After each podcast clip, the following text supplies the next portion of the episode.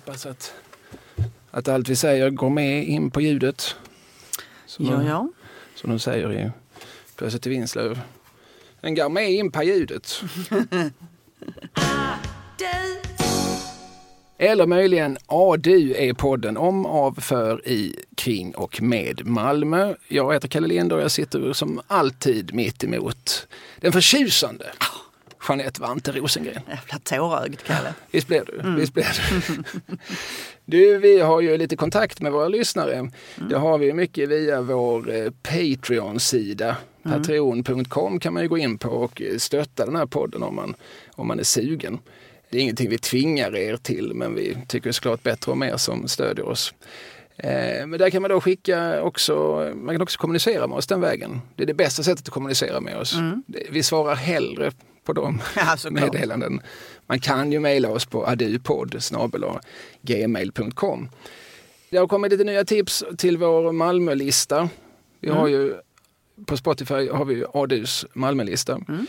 Viktor Wikmark tipsar om ett Malmöbaserat progrockband som heter Agusa. Det är lite intressant. Agusa är en by som ligger mellan Brösarp och Degeberga. Jag tyckte väl jag kände igen det. Ja, ja, Ja, okej. ja, där har min mor haft hus i alla tider. Ja. Så det är en by jag känner väl. Som min egen julp, som piraten hade uttryckt det. Eh, hur som helst, bandet heter alltså Agusa, som sagt eh, progrockband, långa låtar utan sång. Men en av deras låtar heter Sorgen fri. Frågan är om vi ska slänga in den, om det räcker med att den heter så. Om det nu inte, om det nu inte är någon text. Ja, Man vet inte mer. Nej, den Nej. utspelar sig kanske liksom visuellt på Sorgen Fri på något sätt ändå. Eller? Ja, ja, det är väl så det brukar vara när ett instrumentalband döper en sång så är väl tanken att vi som lyssnare ska få vissa bilder. Ja. Ja. Vi får lyssna Ja, det måste vi göra. och så får vi se om, om den Kvalar in. precis om den kvalificerar sig. Eli Borgström hon tipsar om punkgruppen Vet Hut. Pratar vi om dem? Nej, det gjorde vi aldrig va? Nej, Vi har pratat om dem när inte micken varit på. det är ett underbart namn på ett band. Det är ett bra namn och eh, de har en låt som heter Vår gata i stan. Jag tror den handlar om att flytta tillbaka till Malmö, men den går fort och jag har inte hittat texten. Hälsar Eli. Malmö nämns i alla fall i varje refräng. Så de får vi väl ta och slänga in på vår lista som jag alltså går att hitta på Spotify. Sen har vi pratat om i avsnittet om Malmö original så pratar vi om det gamla originalet just Skittapicka. Ja. Och så satt vi och funderade lite grann på varför hon hette så. Ja, Skitta har vi väl våra aningar om. Att det kanske var att hon inte var alltför noga med julbadet. Nej. Men var kom picka ifrån? Gustav spekulerar lite och säger picka, anspelar det inte på manligt könsorgan? Picken användes väl synonymt med pitten i Skåne. I detta fall skulle det väl vara pick med sen picka för att passa med skitta. Att hon alltså skulle fått namn efter ett smutsigt manligt könsorgan. Det är ju inget hedervärt namn. Nej. Det var troligen inget namn hon bar med stolthet. Nej, jag tror inte det heller. Eh, Men så kan det ju såklart absolut vara. Ja, precis. Och Rickard han minns både Tage Tosa och Dinge David från sin egen barndom. Tyvärr mest som hånade personer. Så var det att vara annorlunda i den kyliga tillvaro som vi så blåögt minns som folkhemmet. Dessutom vill han tipsa om Andy Almqvists låt Kirseberg. Ja, såklart. Så att den fylls på hela tiden, listan. Och som sagt, det finns olika sätt att kommunicera med oss om man vill eh, få med fler bidrag än så. Vi ska inte prata om musik. Nej. Vi ska kanske lite grann prata om ett och annat Malmö-original, det vet jag inte. Men vi ska ju prata om det här ämnet som jag föreslog innan vi ens satte igång med den här podden och som Ja. du hela tiden har dragit dig för. Ja, det är sant. Vilket jag inte riktigt har förstått. För det är verkligen ditt ämne och absolut inte mitt. Ja, det är just det som gör mig så nervös. Att jag inte kommer kunna, kunna stadga det här överhuvudtaget. Jag kommer bara sitta som ett barn och säga jaha, jaha säger du det, säger du det. Vi ska prata om fotbollen. Denna eh, sport, en idrott.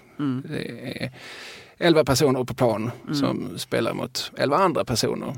Och sen så skickar de då en liten läderkula fram och tillbaka mellan varandra.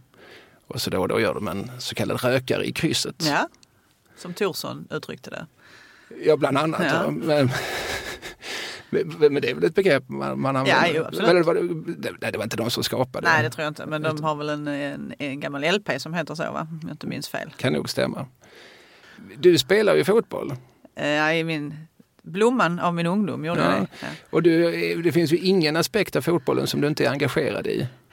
Nej, alltså, jag har varit ledare i många år och haft andra uppdrag inom, inom en förening då. Så.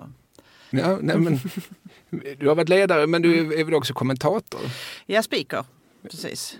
Ja, Det är väsensskilt för Det- många jag tror förstår att, att det är det. Ja, men vad gör spikern? Man, speakern gör sådana här saker som man bara berättar att eh, i den 37 matchminuten gör FC Rosengård 1-0 genom nummer 17, Caroline Seger till exempel. Ja, och det är inte en kommentator Nej, med för då kommenterar man ju matchbilden och händelserna. Och en kommentator fyller ingen funktion egentligen för den publik som är på stadion utan det är mer för de som lyssnar på det på radio, Radio eller och ser det på tv. Ja, precis.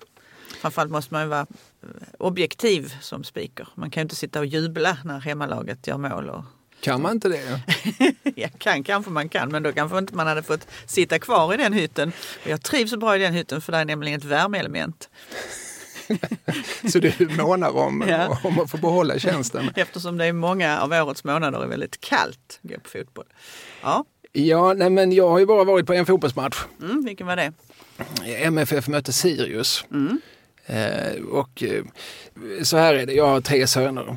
Ettan och trean är väldigt fotbollsengagerade. Tvåan har mer tagit intryck av sin far. Men när trean ville gå på fotboll så valde ettan ut den här matchen. Ja, du kan gå på MFF Sirius, den är inte så våldsam. Sirius är ett Uppsala-lag, de är väl uppfostrade, deras fans. Man hörde inte deras klack. Men de sjöng väl fint i stämmor med perfekta rim. Gluntarna inspirerat. Ja, ja, precis. Förmodligen, men det hördes ju inte på, på Malmö stadion. Det var väl 12 personer eller så. Men den spiken vill jag nog hävda var eh, det var ingen tvekan om vilket lag han höll på när, när han presenterade. Nej, just det, men det är en teknik där. Så gör man ju Spelarna. faktiskt. När man presenterar lagen så drar man ju alltid lite extra på hemmalaget och tar lite kortare, vad ska man säga, det är inte så många vokaler i bortaspelarnas namn. Om man får lov att uttrycka det så. Ja, jag förstår. Jag förstår. Och vilket lag är det du är speaker för? Ja, de heter FC Rosengård. Det är ett, eh, ett fotbollslag som... eh, Ja, det, här, det är det är ju en lång historia kring det där. Det är ju dam, damerna då i FC Rosengård som spelar i Obos damallsvenskan som det heter. Och de härstammar ur Malmö FF. De bildades en gång i tiden. Damfotbollen i MFF startade 1970. Och sen var då damlaget i Malmö FF fram till, nu ska vi se så jag inte ljuger här, 2007. Eller 2004 blev det en egen förening i Malmö FF, Malmö FF dam. Men sen Under någon 2007 sorts MFF-paraply då? Ja, ja precis. Egen em, ekonomi och sådär. Men i alla fall 2007 så blev det då något som hette LDBFC. Fem konsonanter i rad, Kalle. Det var döpt efter något Ja. hudlotionsföretag. Exakt, för att em, en kille som heter Kent Widding Persson som då kom in i styrelsen och var den som var vd för något som heter Hardford som i sin tur saluförde den här hudkrämen och då bytte hela laget namn. Och sen så var det så i några år fram till säsongen 2000 nu ska vi se så jag inte ljuger här, 2014 började tror jag va? och då blev det istället FC Rosengård. Detta kan jag nästan bekräfta. det är en av ganska få fotbollsrelaterade saker som jag har en relation till för att under den här perioden jobbar jag som eh, morgonpratare på P4 Malmöhus. Ja. Där började jag 2012 och slutade 2017. Så att det, här, det här minns jag. Therese Sjögran och så var i studion och så här. Så att det här var någonting som jag och jobbets vägnar lite grann tvingades att kanske inte bry mig om men åtminstone notera. Mm. Så att eh, det låter rimligt på årtalen som du nämner. Men FC Rosengård, dess historia går då kan man säga, man kan spåra liksom, rottrådarna tillbaka till 1970. Då först så skapas det ett damlag inom ramen för MFF. Ja, och då är det så att det Erik Persson som då är, han är mångårig ordförande i Malmö FF. Hövdingen. Hövdingen, ja. Han eh, har ju snappat upp det här och vill gärna att eh, MFF ska ha damfotboll. Och man är inte först med det alls i stan utan till exempel IFK Malmö som i många år är liksom MFFs huvudantagonist. De har ju varit, redan 1968 var de på, på tårna och startade damfotboll. Men då var det ju så här va, att man hade ett damhandbollslag och när de då inte hade säsong um, på sommaren, våren och sommaren sådär, då skulle de hålla igång med något annat så de tjejerna började spela fotboll. Och då så drog IFK Malmö igång den här verksamheten så de hade alltså redan varit igång några år då när, när Malmö FFs huvudstyrelse i den 7 september 1970 tar beslut om att nu ska vi bilda damfotboll. Och då så gjorde man så att då satte man in en annons i tidningen Arbetet. Såklart. Såklart. om att nu ska vi börja med damfotboll och då skulle man hålla till i det här tältet på Malmö stadion där man hade träning inomhus på, på vintern och sådär. Och det, första gången, första träningen, dit kom 80 personer, 80 tjejer i varierande åldrar, allt från 12-åringar till 25-åringar och ville börja med fotboll. Och så hade man inte riktigt förstått hur stort intresset var så man hade inga riktiga ledare utan plötsligt så valde Erik Persson ut några damer som han tyckte att det var två Ullor. En som hette Ulla Rosén och en som hette Ulla Grevin. Och så var det en gymnastikfröken som jag har för mig hette Gunilla Rosenqvist. Hon skulle liksom leda övningarna för hon var ju ändå idrottsutbildad. Och de här Ullorna då, vad hade de för kvalifikationer? Jo, de var gifta med eh, manliga fotbollsspelare. MFF. Ja, så då hade de suttit hemma ja. och hört om så Ulla Roséns eh, man då, Kjell Rosén, han var ju en av liksom de stora legendarerna i Malmö FF. Så Erik antog ju att Ulla hade snappat upp Mm. Diverse kunskaper. Ja. ja, och det hade hon väl? Det hade hon väl, eller? Säkert. Men fanns det någon serie eller så då? Alltså, att spela Ja, men det kommer och det, det är det jag tänker är lite roligt därför att detta emanerar ur din hembygd. Det var nämligen i Eslöv som damfotbollsserierna drog igång. Ja. Mm -hmm. Det var ingenting vi fick lära oss i skolan. Eller kanske vi fick, men det var väl en av de lektioner jag kanske var lite frånvarande. då kanske du var hemma och skrev brev till Tage Danielsson eller ja, sånt där. Precis, gjorde något oviktigt istället för att sitta här. Och, ja men det här är väl, det här är väl viktigt. Ja, men vi, vi kanske ska pausa, eller vi, ja. vi håller tanken där lite ja. grann. För att det här med att prata om fotboll, det är ju liksom, på något vis kan det tyckas vansinnigt att jag av alla människor som idag är, genom livet har varit aktivt ointresserad av fotboll, mm. att jag nu ska sitta här och eh, liksom, tro att jag kan någonting. Det gör jag inte. Däremot så har jag ju successivt förstått att alltså, fotboll, alltså i en stad som som Malmö, förmodligen i de flesta städer, men, men att det här är ju kultur. Mm. Det här är en del av en, av en folksjäl. Mm. Alltså det, fotboll är liksom en dominerande inslag i berättelsen om staden. Mm. Eh, ett par av de författare som vi ibland återkommer till här, ett par av de manliga författare vi återkommer till här, Fredrik mm. Ekelund och Jacques Werup. Mm. I synnerhet skulle jag säga har ju varit med och eh, liksom formulerat eh, liksom någon sorts vad ska vi säga, någon, sorts sentenser om staden. Alltså de har satt ord på den här stadens kultur och historia och, och inte minst då på fotbollen, mm. får man väl säga. Absolut.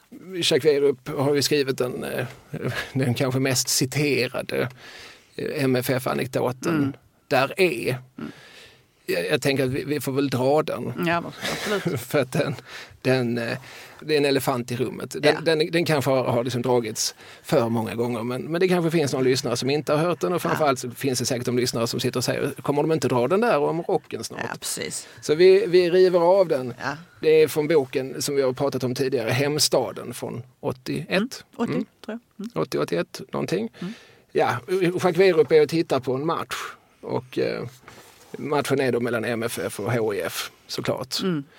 Som väl också får betraktas som någon sorts antagonister, huvudantagonister. Mm. Åtminstone... I mer modern tid kanske, ja. Mm.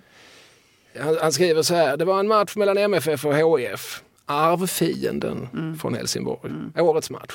Jag var knappt tio år och MFF kunde för mig aldrig förlora. Men HIF ledde med 2-0 en halvtimme in i andra halvlek. Kajan stod i mål för de blåa. Tore Svensson hade blivit skadad och på den tiden fanns inga nya spelare att ta in. Kalle Svensson i HIF-målet, Rio-Kalle, mm. eh, gjorde fantomräddningar och tiden gick. Smågrabbarna låg bakom målen på matcherna de åren. Det vore otänkbart idag. Tänk hundratals fanatiker nästan inne på planen, i ryggen på målvakterna, hängande i nätmaskorna. Nåväl, en och annan vuxen då också där. en och annan komplett fotbollstokig vuxen.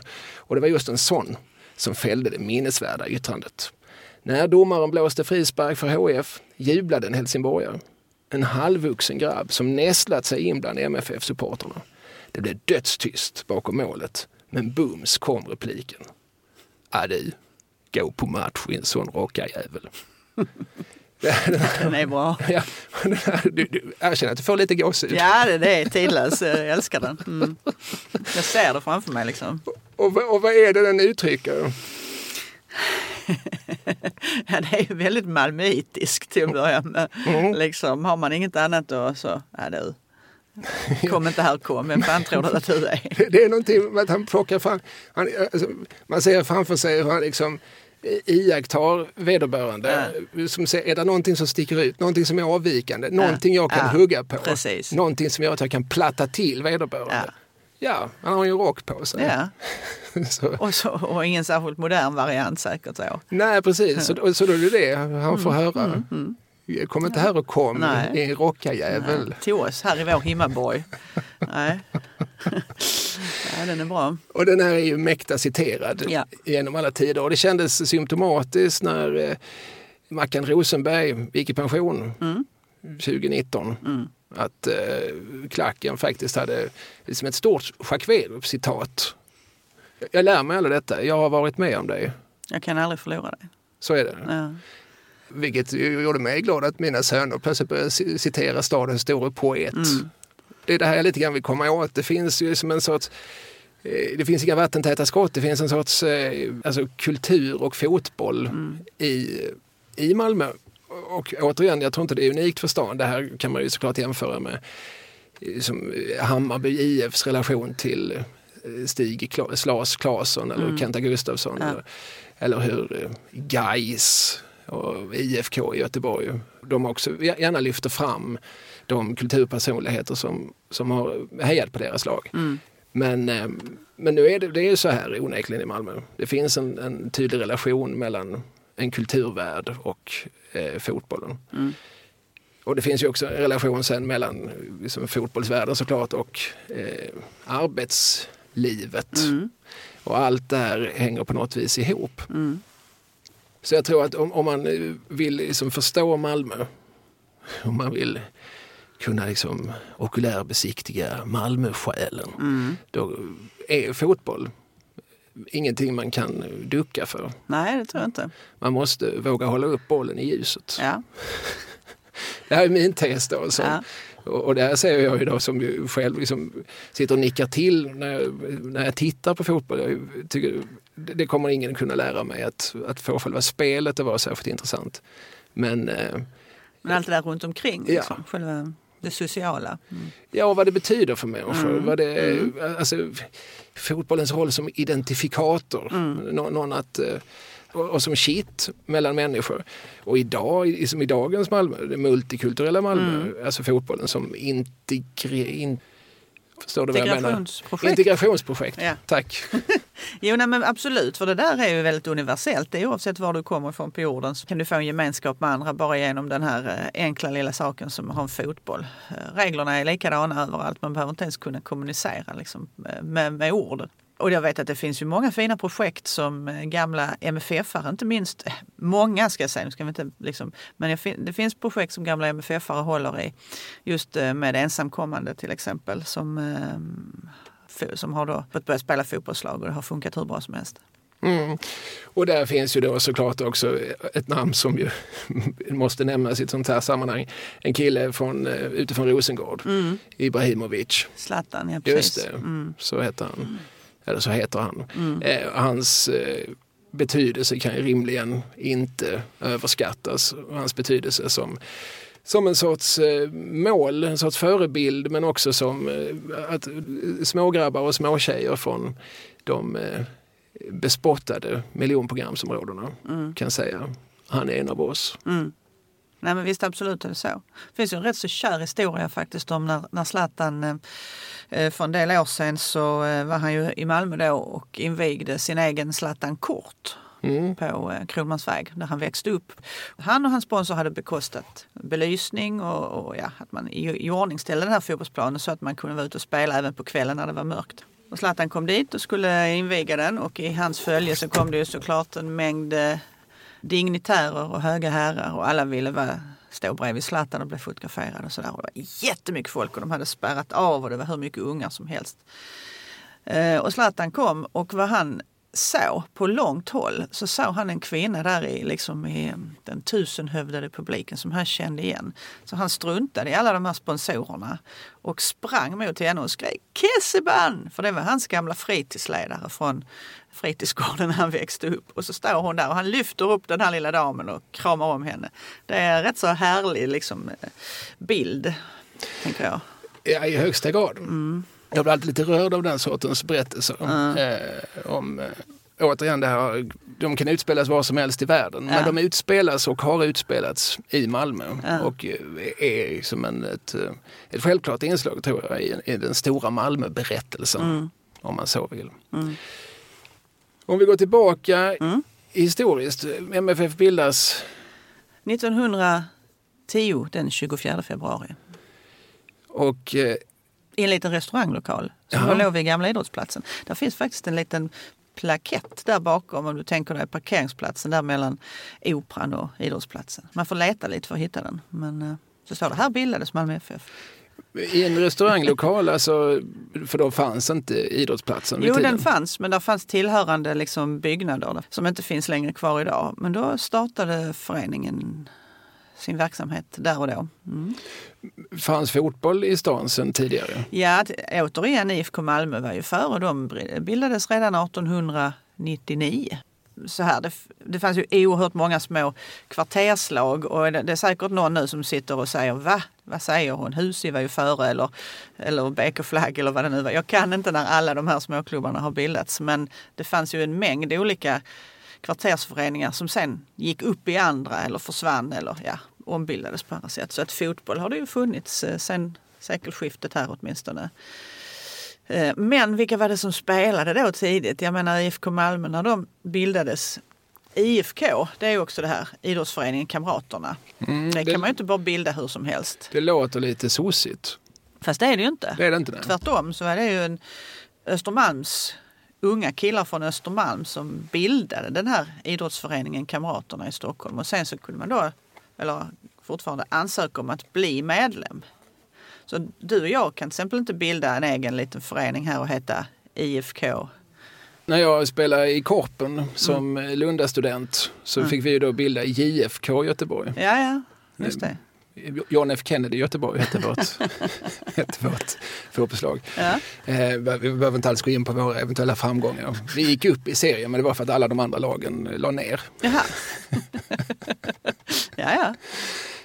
Nåväl, det är min, min egen praktiska erfarenhet av fotboll. Och IFK Malmö och eh, MFF, det här kanske inte liksom nya malmöiter är med på. Mm. Eh, för det är ju ingenting som är särskilt påtagligt idag. Men konflikten mellan de här alltså, mm. var också en del av den stora Malmöberättelsen under 1900-talet. Ja men så är det ju. Om man går tillbaks till det här när IFK bildas så är det ju läroverksungdomar som bildar det här eh, i Malmö latinskolas, nuvarande Malmö latinskolas aula. Liksom. Det här är ungdomar som har tid att spela fotboll. Liksom. Och det här att man går upp i IFK. IFK jag tror det finns 168 IFK-föreningar idag, om jag inte har helt fel för mig i olika delar av landet. Och ursprungligen så skulle man då ha liksom samma emblem, det här vitt och blått. Och sen har det ju modifierats eh, över tid. Men i alla fall när när Malmö FF sen bildas så är det ju en helt annan typ och då är det arbetarpågar som eh, träffas och spelar ihop på sitt vis. Och sen så, så samexisterar de här bredvid varandra. Men det du syftar på det händer 1934. Mm. Ja, för då är det en, en incident. Absolut som verkligen slår in en kil. Ja. Om de redan tidigare har haft någon slags vänskapsgnabb så börjar det plötsligt bli på allvar här ja. efter. Ja. Ja men det är ju så, Malmö FF, det, det fanns ju amatörregler i Sverige. Man fick inte ta emot pengar så man fick inte vara proffs. Eller ha någon form av ersättning ens. Och Malmö FF har då ju avlönat spelarna med 7,50 per tagen poäng. Och då ska vi också ha klart för oss att idag när ett lag vinner en match så får man tre poäng ju. Och en oavgjord får du en poäng för. Men på den här tiden fick man ju två poäng för en vunnen match. Det där systemet ändrar man alltså inte förrän det är 1990 så det är långt fram i tiden. Så 7,50 får man tagen poäng. Och det är ju bra extra pengar. Per 19 spelare och ja, tagen per poäng. spelare då. Va? Och, så får man ju dem. Och, och det här har ju Malmö FF prydligt skrivit in i sina kassaböcker. Så det är ju inte så. Många andra lag gjorde ju likadant men de gav ju de här pengarna under bordet. Va? Utan att redovisa dem. Men det har inte Malmö FF gjort. Och så är det en incident när, när Malmö FF faktiskt blir beskyllda för att, för att vilja värva en spelare från IFK. Erik Persson, återigen, han har ju sagt sen alltid att den här spelaren, vi värvar inte från IFK. Skulle aldrig komma på fråga. Den här spelaren ville gå själv. Ja, ja, Ja. såklart. Hur det nu var med det.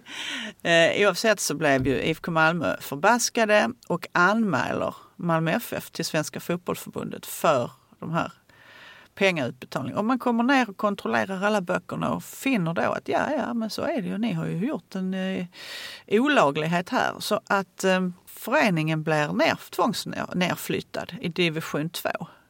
Och spelarna och styrelsen avstängda på ett visst antal månader. Eller Erik själv blev avstängd i tror jag, två år innan han fick komma tillbaka till föreningen då. Ja, det kändes ju och det blev ju hans livsnerv att hata allt som hade med IFK Malmö att göra och allt som var gult överhuvudtaget. Ja, och där finns ju många berättelser. Det heter ju att på, i den stora, stora matsalen på Kockums så satt eh, de gule supportrarna vid ett bord Mhm. och de blåa vid ett eller väldigt många bord, får vi väl gissa. Eh, Det heter att när de satte upp en staty över Erik Persson så försvann huvudet. Ja, ja. Mm. Jag har hört många människor som bara, det, det var en helt självklart klart att det var en av kanariefularna som, som plockade huvudet. ja, ja, ja. Eh, Jag vet inte hur vederbörande kan veta det så säkert. För, för för jag vet inte om det någonsin liksom grävdes upp det där eller hittades det där huvudet. Nej, men det måste ju på något sätt ha återbördats för att det, nu har man flyttat upp den där bysten och den, den gjordes ju medan han fortfarande var i livet. Den avtäcktes 1975, han gjorde det själv. Eller han stod, det var Gösta Netzén som avtäckte den men Erik Persson stod bredvid. Eh, men den, den har man ju flyttat. Innan stod den nere i den här eh, vinterträdgården på Malmö stadion men nu står den på Eleda stadion inomhus. Kanske för att förhindra det här.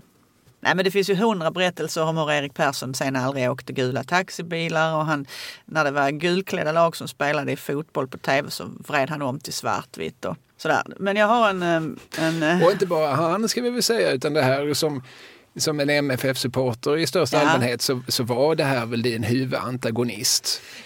på den tiden absolut ja. De gula Ja. kanariefularna, IFK Malmö. Ja, jo, jo, så var det ju. Och in på 60-talet så, så är de väl ganska jämbördiga. va? Ja men så är det ju. Alltså, de spelar ju i, jag tror kvartsfinal va, i Europacupen då 1960 och sen bara något år senare så åker de ur allsvenskan. Så att det, sen har det kanat ut för jag tror att de kvalade upp igen mot allsvenskan 1980 men de gick aldrig upp och sen har de ju fört liksom en annan tillvaro, inte på högsta elitnivå längre. Utan, men visst var det så innan att det var de två, stadens två stora lag. Det, men hur som helst, en av tjejerna som var med och bildade damfotbollen då, hon hette Anki heter Anki Bergström idag, hon hette Anki Persson på den tiden. Hon blev spelare och hon blev också sorts lagledare och så gifte hon sig med sin tränare. Det var rätt praktiskt där. Hade man allting på samma...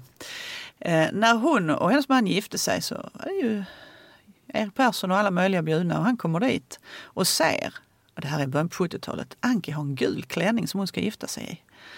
Och då har Anki själv berättat för mig att här vände han på steken och gick därifrån. Mm.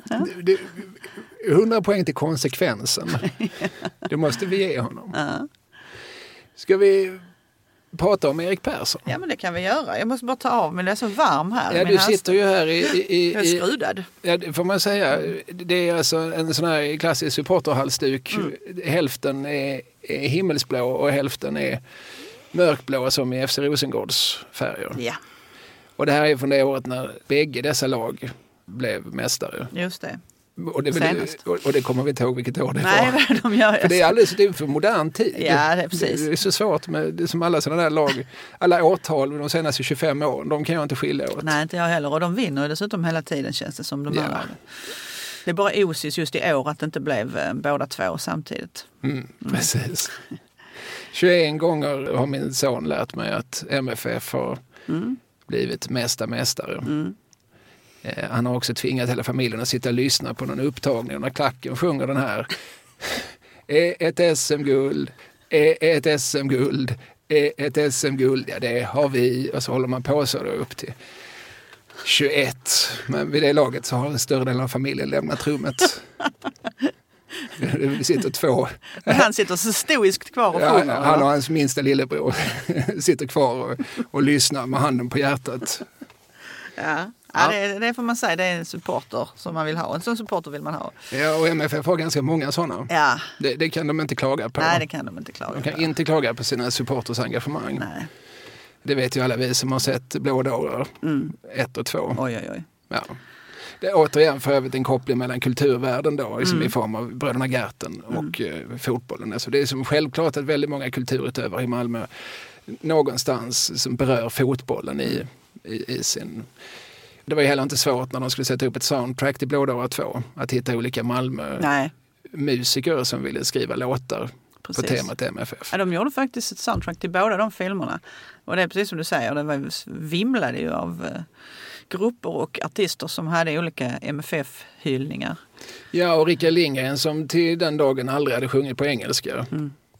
För MFFs skull så kan jag sjunga Mm. eh, Tungt regn faller Mm. över Möllan ikväll. Ja, den är fin. Ja. Det är hela spektrat också, både som genremässigt och åldersmässigt på något vis. Mm. Du har liksom gamla bluesrävar som Jalle Olsson som sjunger Cykla Bosse. ja, jag visste absolut. Och också Advance Patrol som sjunger Ja. Töserna, pågarna, välkommen Välkommen till Malmö. Mm. Mm. Då säger vi ja. Vad säger vi nej? Ja, det kanske. Vad säger vi jo? Vad säger ja. vi nej? Ja, så är det. Ja, nej, men det, det har ju verkligen eh, staden omfamnar laget på något sätt. Och, och eh, vice versa. Och publiken då. Och det är rätt så roligt man tänker på den här supporterkulturen. För det är ju inte så himla länge sedan som man satt på stadion och kände att ja, Här finns det plats. här finns det gott om plats. Jag och det var långt på, innan corona. Ja, det var det. Jag tänker på de här gyllene åren. Nu blir det lite spretigt för nu hoppar vi. Men Ja, det de, mitten på Får vi 80-talet leva när. Roy Hodgson tränade laget Mm. och det blev fem raka guld. Va? Då satt man där och, och njöt och tittade på Roger Ljung och Jonas Tern och Stefan Svarts och alla de här. Ja, det var inte särskilt mycket folk på de matcherna kan jag säga. Så det där har gått både upp och ner över tid. ja, men det blev något oerhört uppsving i början av 00-talet. För det märkte jag ju även på mina kamrater som kanske av födsel och ohejdad vana var MFF-are men som plötsligt började liksom skruda sig Mm. i, i halsdukar och eh, det var plötsligt oerhört viktigt att springa på matcher och så avbryta våra samkväm för att eh, nu måste vi gå och visa vårt deltagande. Det, Just det. det. Det, hände där under en process ungefär samtidigt med att de båda Blådåra-filmerna Ja. kom. Och, och jag tror att Zlatan hade en viss betydelse där också. Va? Ja. Ja, men alla de här kulturyttringarna har säkert eh, hjälpt till att få upp publikintressen och få, få liksom, eh, folket att känna att det här är vår angelägenhet, det här är vårt lag det handlar om. Men jag tänker om man går tillbaka till eh, ja, 20-talet. Så här, när det inte fanns 1920-talet. Någon, 1920-talet, just det, 100 år sedan. Eh, när det inte fanns någon supporterkultur att prata om. om. Och framförallt hade man ju inte, sjöng man ju inte och hejade så som man gör idag. Utan det kunde ju vara liksom helt tyst. Möjligtvis applådera folk artigt när det blev mål. Då bestämde man sig för att ja, det här måste vi liksom, vi måste få lite mer ös på läktarna. Så eh, människor engagerades som hejaklacksledare. Och en av dem som gjorde det i Sverige det var Ernst Rolf. Mm. Nu pratar vi mitt språk här. Ja, jag tänkte det. Skulle få in dig på den här. Ragnar Johansson från Falun, Ja. 20-talets stor kuplettcharmör. Ja. Det finns många fina bilder på det. Man står med en stor sån här megafon vid klackarna och så har ju han ju en förramsa då och så ska ju publiken svara honom. Så. Det var väldigt USA-inspirerat det här. Man hade ju, det hade varit något amerikanskt lag som hade varit på turné i Sverige så hade de med sig sina supporters och sina hejaklacksledare. De var tidiga med det där. Så. Ray, Ray, Ray, USA. Alltså det var på den nivån. Sen utvecklade man det och förfinade det i Sverige. Liksom ja, och en människa med Malmöanknytning brukar ibland tillskrivas eh, den klassiska eh, ramsan Sassa brassa mandelmassa. Mhm. Vi vill höra nätet rassla. Mm. Vet du vem som ibland eh, har tillskrivits den? Nej. Ja, det är samma man som gav oss rännstensungar och de här ljudkollagen i gevär och general Bussig. Alltså Åke Hodell. är det så? Ja, Åke Hodell, mycket fascinerande man. Hans far, alltså han var ju född i en sån här nöjesfamilj. Hans far och farfar, Frans och Björn Hodell, de hade drivit olika revyteatrar i Stockholm och så. Och han började själv sin karriär med att skriva just det här lustspelet Rännstensungar som mm. ju senare filmatiserades med Cornelis och Anita Lindblom ja. på 70-talet. Så, men som ju är en 40-talspjäs från början som jag tror hade urpremiär i Folkets park i Malmö. Mm. Sen så var han stridspilot och kraschade med ett plan och eh, höll på att dö. Mm. Och på andra sidan så när han liksom återuppstod som människa så, så var det slut på all folklig, nöjsam, lättsam, oförarglig kultur. Mm. Nu börjar han istället eh, skriva otroligt experimentella och framförallt antimilitaristiska dikter. Mm. Och eh, var, en, var en pionjär att sitta och klippa i ljudband och sånt där, göra ljudcollage. Mm. Har du hört de här? General Bussig, Bussig, Bussig, Bussig, Bussig, Bussig, Buss, Buss, Bussig. Han håller på så i x antal minuter. Ja, ja. Och i gevär, det är alltså en dikt som kanske är i bokform är säg 17-18 sidor. Och eh, fem sidor är då i, fem sidor är ge, e, och sen så är de avslutande vär. Mm -hmm. Ja, det får man ju säga var experimentella. det får man säga, men jag tycker också det, det är ändå ganska lätt att, att se en sorts auktoritetskritik. Alltså det här är, det här är vad de håller på med. Mm. Eh, officerarna, de höga herrarna, de står och vrålar på oss. Mm. Ja men det är sant, absolut. Så på ett vis är den ju inte så svårbegriplig. Alltså, man behöver kanske inte läsa in för mycket på det sättet. Hur som helst, Åke Hodell ja. påstås ja. vara den som konstruerade ramsan. Ja, Sassa, brassa, mandelmassa. Ja, det är ju intressant. Om man sen får flytta sig framåt till 70-talet så var det ju en annan kille inom ditt gebit som var väldigt viktig i Malmö FF. Han, han satt Vilket i, är mitt gebit? Ja, nej, men det är väl allt som har med kultur och underhållning att göra, okay, tänker okay. jag. Framförallt sådana här farbröder som på olika sätt har eh, gjort Sverige lite roligare. Jo men den här mannen har ju också gjort det och han, han satt i Malmö FF styrelse. Han blev så småningom en sorts eh, hedersmedlem i styrelsen. Han var också jag känner mig som en andlig kollega till honom för han var också speaker fast på herrmatcherna.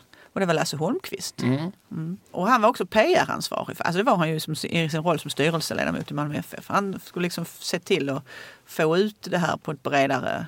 Folk skulle gå på fotboll, folk skulle förstå tjusningen. Det skulle bli en familjeangelägenhet. Det skulle inte bara stå en massa män i trenchcoats. Utan... Var det han som fick eh, La Nilsson att bli MFF-are? Ja, det, det, är fullt möjligt. Alltså, de uppträdde ju tillsammans när Malmö FF fyllde kanske 70 eller 1980, det, ja. låter, det låter som en trolig... Ja. Alltså bara lite snabbt, Birgit Nilsson vet ju folk vem hon är. Hon finns på våra 500 kronor sedlar. Ja. Det är en av de största stjärnor som det här landet har producerat, alla kategorier operasångare, sopran, kunde mm. sjunga eh, Strauss och framförallt Wagner så mm. att diafragma dallrade. Mm. Och hon eh, är väl från är det Västra Karup uppe mm. i nordväst Skåne. Mm. Men hon och Lasse Holmqvist stod varandra nära. Mm. Hon var ofta gäst i hans eh, sådana här som fredags och lördagsunderhållningar. Mm. Bland annat var hon ju en gång, blev hon ju en gång kidnappad i Här i ditt liv. Just. Såklart. Men de umgicks nog också privat och hade en, som en djup professionell relation. Mm. Och eh, hon är ju en av de där lite oväntade MFF-supportrarna. Mm. För det är liksom inte självklart. att alltså, Nilsson ska... Nej precis, både HIF och Halmstad BK ligger ju egentligen ja. geografiskt närmare om hon nu alls skulle vara fotbollsengagerad. Just det. Men vi vet att hon var MFF-supporter. Ja men absolut. Och då, jag minns eh, när föreningen då fyllde 70, då står hon och Lasse Holmqvist på scenen där har för mig att det var på Amiralen faktiskt. Och så sjunger de lite otippat tillsammans. Kan du, kan du baga äggakaga? ja. ja. ja, men det är liksom en del av hennes image. Att å ena sidan var hon ju den stora världsstjärnan ja. som, med liksom, Per Collier och, och eh, hon var, det hette ju att hon fick ju mer för ett högt C än vad liksom, Kockums samlade arbetare fick på ett mm. år. Och sådär. Mm. Hon, hon var ju oerhört eh, mm. välbetald och, och var ju liksom en, en, en diva med internationella mått. Mm. Men för en svensk publik så visar hon gärna upp sig som, som den bondtös hon var. Absolut. Eh, så jag, jag har inte glömt mina rötter utan trädbanorna är stadigt förankrade i skånsk mylla. Absolut. Jo men så var det ju. Hon, eh, hon gjorde väl ett nummer av det, till och med när hon gick och matade höns på vissa hemma hos-reportage och sådär. Mm. Ja, nej men så de eh, olika artister och kulturpersonligheter har genom åren också hjälpt till liksom att strössla sina stjärnor och sitt, över eh, fotbollsföreningen Malmö FF. För en stund sedan så skulle vi börja prata om Erik Persson. Ja, Ska vi fortsätta med det? ja men vi tar upp den tråden. Ja. ja, Erik Persson, han är ju en arbetargrabb. Han föds 1898. Ja. en arbetarfamilj i Malmö. Och eh, är inte särskilt mycket till fotbollsspelare själv men ganska snabbt så blev han engagerad i det som så småningom blev Malmö FF då. Eller alltså som var Malmö FF på hans tid men där den sprang ju ur lite andra olika föreningar som bildade en ny. Och eh, civilt så är han ju in, inköpschef på, på Paulssons chokladfabrik. Och det är han länge. Ja, det är han länge tills han blir, han blir inte anställd av Malmö FF utan han blir anställd av Malmö FF-stadion. Alltså, och då pratar vi inte om den stadion som ligger på stadionområdet utan vi pratar om gamla MFF-stadion som numera heter vad då, kanske Fair Play eller så va? Ja, här, är jag helt lost. Ja, som- För att det där att försöka reda upp vad olika stadion heter och har hetat. Ja. Det kräver en annan spatial förmåga än, än, än vad jag har. Men det var viktigt för Erik på något sätt för att han eh, hävdade alltid det där att allt han gjorde för föreningen det gjorde han liksom eh, pro bono. Han, hans olika uppdrag och som eh, styrelse, först styrelseledamot och sen blev han ju styrelseordförande. Han var, blev vald till ordförande 37 och sen avgick han 1975 blev Hans Cavalli Björkman ny ordförande. Så Erik var ju på plats i många, många år alltså. 38 år om jag gör Ja. min matte rätt. Och ehm, stark socialdemokrat hela sitt liv. Han var, det här var arbetarpågar. Det här var, eh, han hade liksom något sånt eh, eh, förakt mot eh, inte bara mot IFK Malmö och liksom sättet de hade skymfat Malmö FF utan också mot att de, var, de kom från annat socialt skikt. Liksom. Erik han är också en eh, oerhörd folkbildare. Han är väldigt eh, vetgirig och lär sig själv. Han har ju inga akademiska studier och sådär, utan han är självbildad. Så att när man åker omkring då med fotbollslag som man gör och är på bortamatcher och resor över hela världen faktiskt redan då, så är det ju han som har lagt upp en rutt. Då ska man gå på olika museer och kyrkor och han guidar runt folk i Colosseum, i Rom och det ena med det andra. För att spelarna ska minsann inte sitta på rummen och spela tolv utan de ska ha med någonting hem. Har ni kameror med er så plockar ni upp dem nu, lär han ha sagt vid olika tillfällen. Liksom. Ja. Ja. Och det här med, med, med lagets relation till eh, partiet, alltså MFFs relation till sossepartiet. Hur uttalar det den? För jag vet att Palme, Olof Palme, Ja. han var partiordförande för SAP från 69 till sin död 86. Han var nere och eh, satte medalj på Erik Persson vid något tillfälle. ja, det var när Erik Persson fyllde 80 år. Och då var det ju som, som tack för vad du har gjort för partiet. Ja, han fick Brantingmedaljen, absolut, Ja. på sin 80-årsdag. Och, och, och det, var, det var fine för folk. Jag inbillar mig då att som supporter så får du någonstans också ställa upp på, alltså hänger det här ihop då? Jag han- handlar på Solidar, Ja. jag prenumererar på Arbetet, jag hejar på MFF. Eller så handlar jag på ICA och eh, läser Sydsvenskan och är IFK-are. Just det. Men visst, Erik var socialdemokrat och många i hans omgivning var det naturligtvis och- och föreningen hade liksom den profilen. Men sen var han ju också en pragmatiker så att han plockar ju in i MFF-styrelsen till exempel Sten Sterning som är moderatpolitiker. Därför att han insåg att det här skulle göra föreningen bättre med just hans profil. Han är den som personligen väljer ut Hans Cavalli Björkman som efterträdare till sig själv. Cavalli var ju bankman och han var dessutom folkpartist. Va? Så att han är inte liksom styrd av att det här måste vara ett socialdemokratiskt uppdrag. Utan han ser ju liksom att det här är något större. Vi behöver de här människorna för det ska bli mer eh, professionellt i föreningen och bättre på alla sätt. Men eh, visst är han röd och eh, Ja visst är han röd men är också laget rött? Ja, men alltså, det är svårt att veta hur alla de röstade och så, men det är, ju, det är ju killar som kommer från arbetarmiljöer långt fram i tiden. Jag menar, jag tror inte den första som hade akademiska studier i Malmö FF, jag tror det är Staffan Tapper. Och Staffan Och han- är född 48, va? så det här är ju slutet på 60-talet. Så innan dess är det ju liksom ingen som har studerat vidare utan alla, och då är de ju inte ens professionella på den tiden utan då jobbar ju alla eh, full tid och sen tränar man på kvällarna. Och man tränar ju såklart inte lika ofta då som man gör idag. men eh, många har ju tunga jobb, alltså, de är tunga grovarbetare och sådär. Så.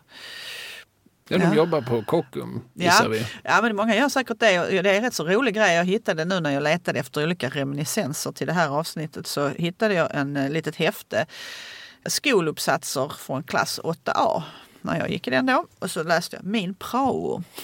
alltså, när jag är ute och gör prao 1982 på Lundgrens bokhandel i Malmö på Södergatan som inte finns längre. Nästan ända uppe vid Stortorget på vänster sida. Stor fin bokhandel. Och så hade jag skrivit massa sidor om den här praon. Nästan inget handlar om själva praon, men nästan allt handlar om att jag hade då fått jobba ihop med Erik Nilsson som jobbade där. Erik Nilsson var före detta vänsterback. Han var lagkapten, han var landslagsspelare, han var den stora MFF-aren. Du vet när jag kom hem och berättade detta för min mormor och morfar, de höll på att trilla av stolarna. Va? Har du, är du kollega med Erik Nilsson helt plötsligt? Ja, och idag är det kanske inte så många som minns vem Erik Nilsson var, men för mig var detta helt stort. Helt det låter så. Ja. Och det låter väl också rimligt? Ja, och just han har, det då, han har ju själv berättat i olika intervjuer att han, eh, han jobbade ju då eh, jag tror för mig att han jobbade faktiskt på Skånska Cement om jag inte minns fel. Tungt arbete och sen så cyklade han då på, efter jobbet på kvällarna så cyklade han och tränade. Cyklade han dit och sen så tränade han först extra själv och sen så tränade han med laget och sen tränade han lite extra själv igen och sen cyklade han hem. Nej, han cyklade inte hem. Han cyklade till Limhamn och tränade med något brottarlag och kom hem först 12 på natten. För det var liksom så han gjorde för att hålla sig igång. Ja, ja. han måste ha haft en viss kondition. Han hade ju en fruktansvärd fysik. Alltså, han var ju, ja, det var ju helt... Även sen han börjat jobba i bokhandel? Ja, då var han ju alltså faktiskt, eh, jag tror han var pensionär då, men han kunde inte sitta still. Alltså han hjälpte till med, med sånt här posthantering och utskick och ja, lite vaktmästarsysslor. Men, och så stod han då och berättade alla de här gamla skrönorna för mig. Det var ju väldigt upplyftande måste jag säga. Ja, det kan jag gott tänka mig. Ja, ja. Mm. Du kombinerade ju båda dina intressen också, litteratur och fotboll. Ja, men exakt. Det var helt fantastiskt. Um, ja. Han berättade ju, ja, men det var ju oerhört många sådana gamla skrönor. Det fanns en gammal eh, Eh, spelare som hette Stellan Nilsson, nu är vi på 40-talet, i Malmö FF. Och en sån här oerhört, lite sån Nacka-typ, sån här talangfull, lite bohemisk spelare som ibland glömde bort kanske att han, oj, är jag gift, har jag familj?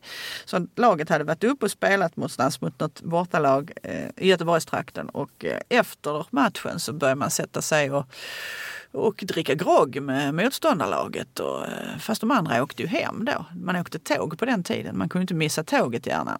Och Stellan han, eh, oj, tåget gått. Ja, men då kan jag lika bra fortsätta och, och kröka. Och så gör han det och så när alla andra spelarna kommer hem men inte han så blir hans fru ju lite orolig så hon tar ju sig runt till de här och frågar men har din man kommit hem? Varför inte Stellan hemma? Två dagar senare kommer Stellan hem och säger bara när han öppnar dörren. Jag ber om ursäkt, men det blev förlängning i matchen.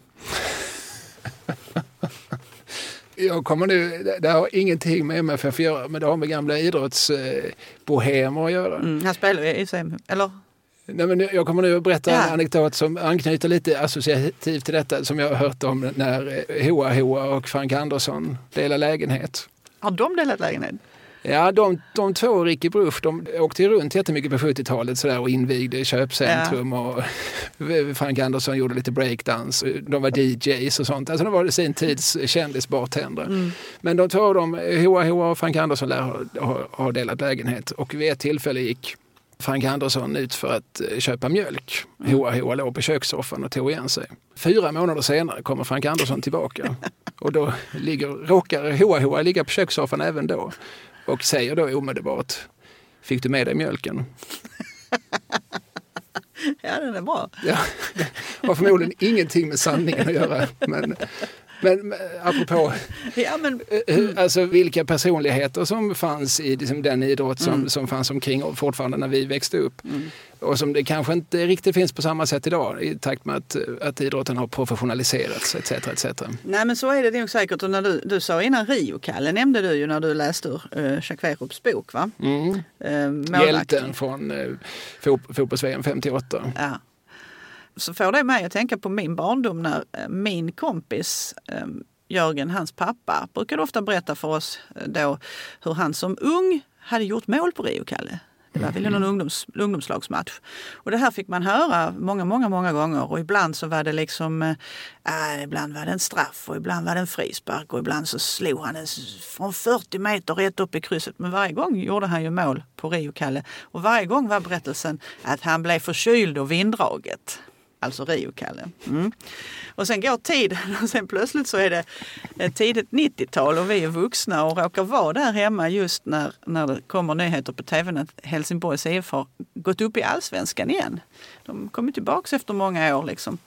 Och då intervjuar man givetvis Rio-Kalle som är där och är glad och hejar och står med halsduk och sånt. Och så ser man Rio-Kalle på skärmen, var på Göran, alltså min kompis pappa säger, ja fan, är han bra nu?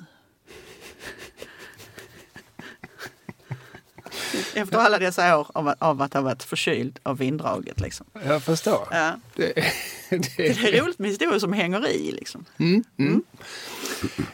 Eh, var vi färdiga med Erik Persson? man kan prata mycket om Erik Persson. Han... Eh...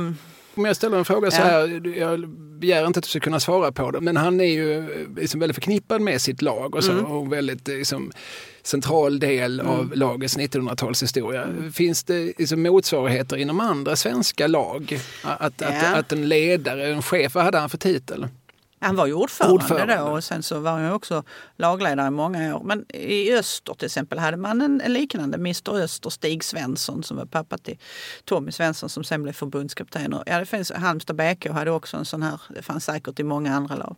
Men vad jag tänkte med Erik, det är också en, en, en del av hans historia som inte är så känd men som kom fram här om året för det kom ju en stor fin biografi över honom som heter Stolt och stark där eh, Staffan Tapper, gamle spelaren och Micke Sjöblom berättar om Erik. Eh, så finns det en historia om hur han faktiskt räddade, hjälpte till att rädda väldigt många judar, danska judar till Sverige. Eh, oktober 43 när det var den här stora räddningsauktionen när man red över jag 6 000 danska judar till Sverige. Då var Erik med och löste ut hela sitt nätverk som han hade. Han hade ju, kände ju människor i alla möjliga olika samhällspositioner. Och eh, gjorde ingen stor sak av det själv men det där var väldigt hemligt. Och, ja, han berättade liksom inte för sina närstående om det. Han var ju gift och hade två döttrar och så. Men efter kriget så får han den danske kungen Kristian X frihetsmedalj för sina insatser för de här räddningsaktionerna. Och det är ju också en fin historia. Mm. Men eh, var han... Eh, man, man pratar ibland om de här eh, som, röda patriarkerna. De, mm. de, de här sossepampar kallas de ju gärna i den liberala pressen. Mm. Och jag vet inte vad, vad de kallades i den socialdemokratiska, men de kallades väl för stora ledare. Ja, eller? Gissningsvis. ja. Men de är ju alltid lite kontroversiella. Det är ju sådana här människor som brukar vara bra på att få saker gjorda. De mm. pekar med hela handen ja. och de kanske ibland kör över liksom en del liksom demokratiska instanser och processer för de vet att eh, ja, men det är bättre att jag ringer min kompis så, så är det här löst i eftermiddag. Och så. Ja.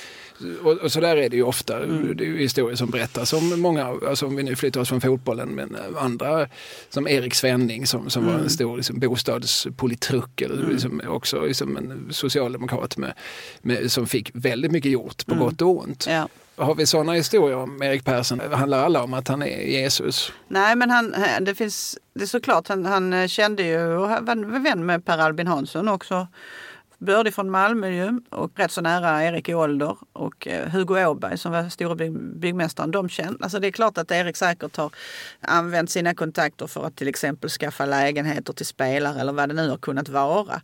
Och det här med att han, nej, men han var ju, inte, han var ju såklart oerhört bestämd som du säger och det var inte alltid att det han sa gick hem. Det finns ju en historia från mitten på 70-talet när, när man anställde en rekordung tränare en ung blond engelsman som såg ut som en uh, musiker med långt hår och, som heter Bob Houghton. Ja, till och med jag känner till honom. Ja. Det gör jag ju såklart via Hasse och Tage. Då. Ja, det är klart du gör. Ja. Bob Lindeman. Precis. Jag vill ha elva whisky, fylla till bredden. Och nu grabbar får ni bestämma vad ni vill ha. Precis. Mm. Sidan upp. Jo, men det Bob Houghton och Roy Hodgson, de var ju gamla kompisar. De spelade tillsammans i Fulham, kom från samma arbetarstadsdel i England. Båda två kom från sådana här... Papp, Bobs pappa var fack bas. Liksom. Alltså de, de kände ju sig hemma såklart i Malmö FF med Erik Perssons värderingar. Och sådär. Men då första träffen så kommer Erik och så säger han att ja nu är det så här Bob att vi har ju en eh, uttagningskommitté här. Så att de som tar ut laget till matcherna det är jag och sen är det lagledaren Egon Todde Jönsson, själv gammal stjärnspelare på 40-talet. 50-talet. När Todde blickar ner är det glädje som han ser. Ingen himmel är så blå som min. Nej, nu, jag, blir, jag jo, men Todde, Todde, skulle man också kunna prata mycket om. Men i alla fall, uttagningskommittén bestod av Erik Persson och Todde och så tränaren. Ja, det är ju du då Bob i så fall. Och Bob han blev ju helt så här, nej men så här, så här. Då, då måste jag tyvärr tacka nej till det här erbjudandet att bli tränare därför att jag tar ut mitt lag själv. Hmm, sa Erik Persson. Ja, då får vi ajournera mötet. Och så gick han och funderade en stund. Och det här var ju på, när Malmö FF hade sitt kansli på Södra Förstadsgatan 2. Det stora fina hörnhuset ut mot eh, Drottninggatan. Eh, stor våning där. Och ja, kom han tillbaka efter en stund. Ja okej då, vi gör som du säger. Och det här var rätt så modigt därför att Bob Houghton han är ju ett okänt namn. Han har ju tränat på ett litet lag i Sydafrika där hans hustru kom ifrån. Där de bodde. Han har inte liksom varit, eh, haft några stora tränaruppdrag innan. Och han är flera år yngre än alla de här spelarna han ska träna. Så han kommer in första träningen. Och då sitter där de här det är Bosse Larsson, det är Christer Kristensson, Roy Andersson, Staffan Tapper, alla de här. Och då har ju Bob eh, suttit hemma på kammaren och han har liksom eh, fått ett lagfoto så har han klippt ut ansiktena så har han liksom klistrat upp dem och lärt sig alla namn utan till. Så han blir ju mäkta liksom. Folk blir ju jätteimponerade när han går fram och säger Hello Bosse, hello Christer och sådär. ja. Men han, han sätter direkt eh, ner foten och säger det här ska jag sköta, det är jag som tar ut laget. Det är inte någon kommitté där ordföranden ingår. Så att Erik Persson han, han kunde vara pragmatisk absolut när det behövdes. Nu kom vi in lite grann på MFFs 70-tal. Eh, mm. Gubbarna som du nämnde här, det är ju Bosse Larsson och de andra tio mm. som också sjungs i någon MFF-sång. Ja, just det. Eh, den eh, Pågatåg, ta mig hem till min plats på Norra Stå, Malmö stadion, där hör jag himma. Nu blir du glad igen. Alltså, jag, jag, behöver ju inte ha de här skivorna nu när jag... Nej, och där sjungs ju om eh, München 79, ja. Bosse Larsson och de andra tio. Mm. Och visst var det så att Bosse inte var med sen i praktiken Nej, för att var, han skadades? Han var skadad, han var knäskadad. Alltså det här är ju Malmö FFs långa resa till Europacupfinal. Mm. Det är det som idag är Champions League alltså. Och det här är lokal, man ska också säga det här. Idag har vi internationella lag. Va? Där har vi spelare som kommer från alla möjliga delar av världen. Men det här var ett gäng killar som var från Kirseberg och ja. Älvstorp. Ja, precis. Och, så, som, som tillsammans då eh, utmanade och slog ut i tur och ordning Monaco, Dynamo Kiev, eh, Wisła Krakow, Austria Wien i dubbla möten då. Och sen så blir det då finalmatch i, i München den 30 maj 1979. Man möter Nottingham Forest. Men då är ju många av de här skadade. Alltså Bosse Larsson är knäskadad. Roy Andersson är också knäskadad och borta. Eh, Staffan Tapper, han, träningen innan finalen så blir han han är i en duell med Puskas Ljungberg som landar på hans lilltå så den går av. Liksom. Så Staffan han får tejpa går, ihop. Går tån av? Ja, den bryts. Den ramlar inte av från kroppen på honom. Men den, han nej, han är inte kallbrand. Utan, nej, nej, det får jag Han är inte spetälska. Nej. Men han får ju, ja, de pjälkar ihop det. Han spelar på sprutor men han kan ju bara spela en dryg halvtimme av finalen då. Så det är många av de här som har kämpat sig fram till final som är borta. Hade man haft alla de här andra så är det inte omöjligt att man hade vunnit. Men tyvärr förlorar man ju med 1-0. Trevor Francis nickar in 1-0 i den 45 matchminuten om vi ska vara exakt. Mm, det ska vi. Det är, sån här, mm. ja, det är en sån här milstolpe faktiskt. Alltså Malmö FF har ju inte gått till final i Champions League efter det. Så det är klart att det där minns ju folk fortfarande väldigt väl. Ja, och MFF på 70-talet var väl överhuvudtaget en vinstmaskin. Mm. Det heter ju att eh, förbundskaptenen för det svenska landslaget, Georg Åby Eriksson, att han, han tog ut Bosse och sen så anpassade han laget efter det. Ja, just det. Vilka matchar Bosse? Ja, just det. Vilka, är, vilka kan liksom ta emot Bosses passar? Det var så han satte ihop sitt lag, säger legenden. Ja, men det är säkert sant. Sen var han ju allmänt lite gnällig på MFF och det där reagerade ju Erik Persson på. Det var, Erik hade ju för övrigt det där perspektivet också. Alla, de flesta i alla fall, är emot oss fast vi är bäst. Mm. Eh, Men Åby Eriksson han kunde också gnälla. Ju, idag hör man ju inte någon förbundskapten som går ut i media och, och gnäller på eh, de här olika lagen. Utan eh, man håller ju det internt. Men det gjorde ju inte Åby. Han var inte riktigt så mediatränad kanske. Så Åby hade synpunkter på MFFs lagkultur ja, ja, absolut. Han hade olika, visst finns det exempel på det hur han... Alltså, framförallt under de här engelsmännen, alltså Bob Houghton, då spelar man på ett annat sätt också. Man, man tyckte att MFF spelar tråkigt. Trå- Tråkig fotboll. Man spelar inte totalfotboll, man spelar med press support. Alltså det var ett annat sätt att... De spelar på mål? Ja, ja, men inte lika publikfriande. Nej, men det är ett offensivt spel. Eller? Ja, man... eh, Ja, jag vet inte om det var lätt att vara mittfältare alltid. Det var mycket spel på forward som man säger så. Ja, Om man säger så. Ja. Om man säger så, ja. om så. Jag, jag har läst någonstans, jag kommer inte ihåg vem det är som uttalar sig, men det måste ju varit då någon som var aktiv i något annat svenskt lag vid tiden på allsvenska nivå som berättar någonstans om, om hur vedervärdigt det var att möta MFF. Man såg liksom i ögonen på dem. Man såg i Bosses ögon att eh, nu, nu är det på allvar. Ja. Att det- det fanns, fanns inte riktigt en lekfullhet utan vi, vi har kommit hit för att vinna till varje pris. Mm. Här finns det som take no prisoners. Nej, nej, men visst. Eh, Ganska mycket den attityden. Mm. Som väl vi då liksom förknippar med någon sorts allmän liksom Malmö, Kockum Mm. etc-anda. Bredaxlade underdogs Mm. som är här för att, eh, som, som inte tar någon skit. Lite kaxighet också. Och det där har man faktiskt överantvardat till modern tid för att i den nuvarande Eleda stadion som den heter nu för tiden, den gamla Swedbank alltså. När man går in och ska gå in och spela matchen då, då går de ju lagen bredvid varandra. Så är det så här att när motståndarlaget går ut från sitt omklädningsrum så måste man gå en, liksom, en korridor och där har man satt upp bilder på alla de här MFF-ikonerna genom tiderna. Så när man går där och är på väg ut så ser man här Bosse Larsson och så ser man Zlatan och så ser man Marcus, vilka det nu än är va, från gamla tider. Och, blir liksom, och där hänger alla de här bevisen på att vi har vunnit. Man ska känna sig liten. Man ska känna sig lite. Sen kommer man ut och då tar ju MFF hymnen vid. Så när man går ut på plan då ställer sig alla 22 000 upp och sjunger Ja, vi älskar Malmö FF. Ja, vi brinner för vårt lag. Under himmelsblåa skyar. Det är vi starkare och bättre för var dag. Ja. Ja. Det är poesi, Kalle. Till och med du som är kanariefågel måste erkänna detta. Ja, det med det här med att jag är kanariefågel ska vi bara lite snabbt. Ja, men det var ju för att jag här, här förleden förstod att, att IFK Malmö finns. Det, det har liksom inte hamnat på min radar så, som varande ointresserad av fotboll i största allmänhet. Eh, och plus att det då inte har varit något lag som skördat några större framgångar sen Dåfelen brann. Ja, sen Doffelen brann. Men, men vad pratar vi om? 60-talet eller? Eh, Så, så blev jag så himla glad när jag läste en, de hade vunnit någon, någon kvalmatch för, för att hoppa upp ett steg i serien. Alltså vi pratar i år, 2020.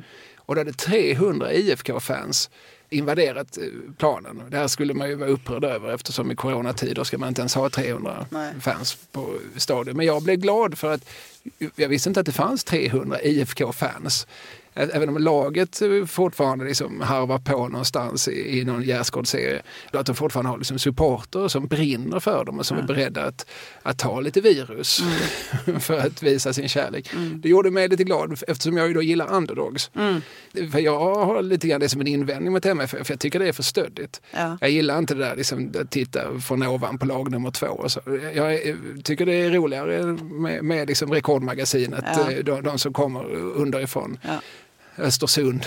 Eller liksom de, de som Mm. de, de är oväntade. Alltså, jag tycker det är lite gäspigt att ja, nu vann MFF igen. Mm. Ja, ja. Alltså, ja, jag förstår. jag tror de mådde bra av att eh, då i början av 00-talet faktiskt halka ur allsvenskan. Och så, Mm. det var bra för ödmjukheten. Ja men det är ju väldigt säkert och de fick bygga på ett helt nytt sätt och liksom för sin återkomst och sådär. Ja, visst.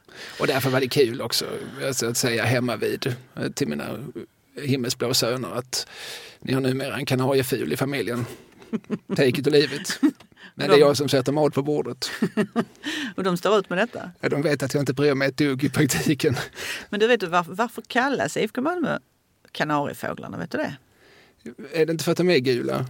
Det är en självklarhet i att de är gula just. Men faktum är också att jag tror att det hänger ihop med att man hade länge ett klubbemblem som inte ser ut som det som, som det gör det nu, men där man hade Malmö Gripen, alltså Erik av Pommerns grip som vi har pratat om tidigare, Ja, i sitt klubbemblem, alltså en fågel. Och så när det då var gult så, så såg det ut som en kanariefågel.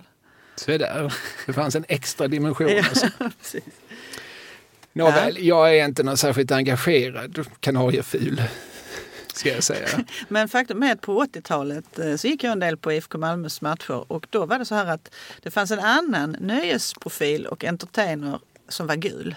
Östen Warnerbring. Precis. Och han hade sjungit in. Va? Så att när IFK Malmö då gjorde mål så satte spikern på och tryckte på play så här. Så kom där en liten vignett där Östen sjöng så här. Den som gjorde målet, den som satte dit den, det är han som nu ska sjunga resten utav biten. Ja, och så beroende på vem som hade gjort mål då så var det kanske nummer 11 där. Klickade spikern på nytt och då sjöng spelaren i fråga på samma melodi. Vissa mål är vackra, vissa mål är fula. Men det viktigaste är att samtliga är gula. Då hade alltså varje spelare fått sjunga in denna snutt för att man sen skulle kunna... Ja, jag gillar Ja, vad jag hör. Ja. Det är, Det är lite roligt, va? Ja, absolut.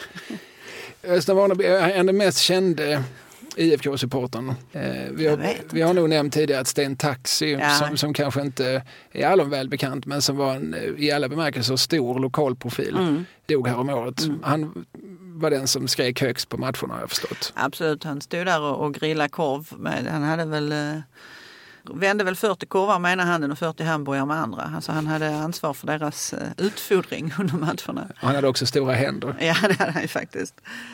Ja, nej, men jag, jag kan inte erinra mig. Det finns ju många som sagt som har eh, kallat sig gula, men jag vet inte hur det är med det nu. Nej, nej, nu... Menar du då? Som Ja, precis. stolt kanariefågel? Ja, men jag tar vid stafettpinnen då efter Östen och Sten Taxi. Det gör jag med, med, med glädje. FC Rosengård har de några profilerade fans. Ja, men faktiskt. Oh ja, där finns en, en klack som heter eh, Forza Rosengård. Va? Som såklart har det ju varit annorlunda i år då. Eh, Men annars så är de ju där i ur och skur och sjunger och låter hela matcherna. Det är härligt. Och de åkte till och med upp för förra sommaren så spelade man match mot eh, Piteå borta var det väl. Och då spelade man en sån här nattmatch. För det var på sommaren när det var midnattssol. Så då spelade man liksom eh, matchstart 22 eller när det var. Och då var det ju just som mitt på dagen. Och då sitter jag och tittar på den här eh, matchen i min tv och plötsligt hör jag, va? Minsann, Forsa Rosengård, de är på plats där uppe. Spelade i Kiruna. Har de liksom tagit sig ända upp till... Eh, Ja, det är en bit att ta sig. Ja, det- det må- vi pratar ge. typ 180 mil. ja, säkert. Ja. Så att eh, de, eh, ska vi, de är vi glada för. Ja, det ska det väl vara. Mm. Men när jag frågar efter profilerade fans så frågar jag också om det fanns liksom några så kallade Aha. kändisar som... Rosengård. Ja, faktiskt ska jag be få nämna en känd person som brukar gå på våra hemmamatcher och det är Magnus Svenningsson från The Cardigans. Den långe basisten i Cardigans. Precis. Som också är hemkunskapslärare på Backaskolan. Är det sant? Ja, det är inte alla världsstjärnor som är det. Nej, det får man ju verkligen säga. Och dessutom då trogen besökare på FC Rosengårds hemmamatcher inte minst. Mm. Mm. Han har vi till och med intervjuat en gång i matchprogrammet och han berättade, det var väldigt intressant, vi pratade sådana här hejaramsor med honom. Call and response. Han tycker det är, det är intressant med det här att man snappar upp det från musikrörelsen, hur man jobbar med just eh, i klackarna. Ja, ja, nej, men det är roligt det här med klackarna också. Jag inbillar mig ibland att min 16-åring är nästan mer engagerad i, i klacken än i, än i laget. Mm. Återigen, han är som ett brinnande MFF-fan men han kommer ju ofta hem och berättar liksom vad Agge har gjort. Agge heter han Vem är så. det? Agge är väl han som leder klacken, Jaha, MFFs klack. okej. Och som ju under hela matchen står med ryggen vänd mot planen. Mm, just det. Han ser väl den på någon skärm. Mm. Men framförallt så tittar han ju på resten av klacken och, och, och ser den som är tyst Mm. och pekar på vederbörande. Mm. Och då sjunger man. Ja, här står man inte för, med, med slutna läppar på något sätt. Om Agge säger till så. Det är inte därför vi är här. Nej. Nej. Tänk vad det gör för spelarna alltså det där. Det är ju den tolfte spelaren, publiken och klacken inte minst. Och jag undrar om inte MFFs eh, klack är också en av de mest eh, som riksbekanta för att de har ju också, eh, det har också skojats med dem ju i tv-sammanhang. Anders Jansson gjorde ju Mm. I första säsongen av Hipp Hipp så Mm. har han ju sin de är, de, de är ju MFF-fans, de har ju Mm. himmelsblå tröjor. De hade ju kunnat vara vilket lag som helst men eftersom de är skåningar så blir det väl roligt. De står och tittar på någon gatuarbetare som står och sopar så Mm. står de och ropar Åh, sopa! Och så. Går de till bankomaten. Ja. Så, hur är det där? Inget på kontot. ungefär så. Precis, och vem får inte åka i bussen? Eh, liksom hunden, Hunden, katten, glassen. just det, hunden, katten, glassen. Hunden, katten, glassen. Det är roligt. Ja, ja. ja men det Tycker är, är humor. Absolut. Eh, Nåväl, ja, men det här är ett samtal som kanske liksom cirkulerar lite hit och dit. Men jag tänkte, alltså, vi var inne lite grann på det här liksom, 70-tals MFF. Och så har vi då också, det finns ju också en liksom, berömd Malmö anekdot eller historia, alltså VM 74 så, så är det ju en MFF-spelare som då har oturen att heta Staffan Tapper och tappa straffen. Och så, så var det, låg det liksom lätt till hands där att kalla honom Tappan Straffer. Och det har ju varit eh, jobbigt för honom. Eh, och jag, jag ska säga det först, jag, jag som inte är så fotbollsintresserad men som är intresserad av modern historia. Jag hörde ju förr talas om den här tappade straffen när jag förstod att han var en av Sveriges bästa fotbollsspelare. Och det finns någonting såklart orättvist i detta. Och att jag hörde talas om det var ju framförallt för att eh, en annan av stadens stora söner, som vi också har nämnt och till och med ägnat ett eget AD åt, Bo Widerberg Ja. skrev eh, som ju var en man, eh, en vän av drastiska utsagor. Han skrev någon text där han dels lanserade namnet Tappan Straffer, det hade han väl plockat upp från gatan. Men han hävdade också att han bytte trottoar om man mötte Staffan Tapper på, på, på gatan. Och argumenterade för att Bosse hade inte missat. Och det var ju såklart, alltså det var skrivet med någon sorts sån här liksom rå, brutal humor. Men fortfarande så var det ju någonting som hängde över den stackars Tapper i att han missade denna enda straff mot eh, den polske målvakten i, i kvartsfinalen. Tomaszewski tror jag Tomaszewski hette Ja. målvakten. Ja. Det är till och med så att ytterligare en av stadens stora söner, Fredrik Ekelund, i sin, eh, som vi också varit inne på flera gånger, pjäsen Fubic Town. Den här monologen där eh, Pierre Dalander står som en mycket stissig malmöitisk eh, amfetaminist och associerar fritt. Jag har manuset här till monologerna F- Fubic Town och Fubic återkomsten. Där tar han upp Tapper. Det, det är väldigt mycket att han bara säger, han står och pratar för sig själv i monologen så bara får han någonting i huvudet. Tapper! Det är ingen som har sagt tapper till honom men så börjar väldigt många av hans små, små bitar. Eh, tapper, va? Jag ska säga. Där var ingen bättre mittfältare i Sverige. De fattade aldrig hur bra han var. Kunde allt utom att nicka. Då drog han in huvudet som en sköldpadda.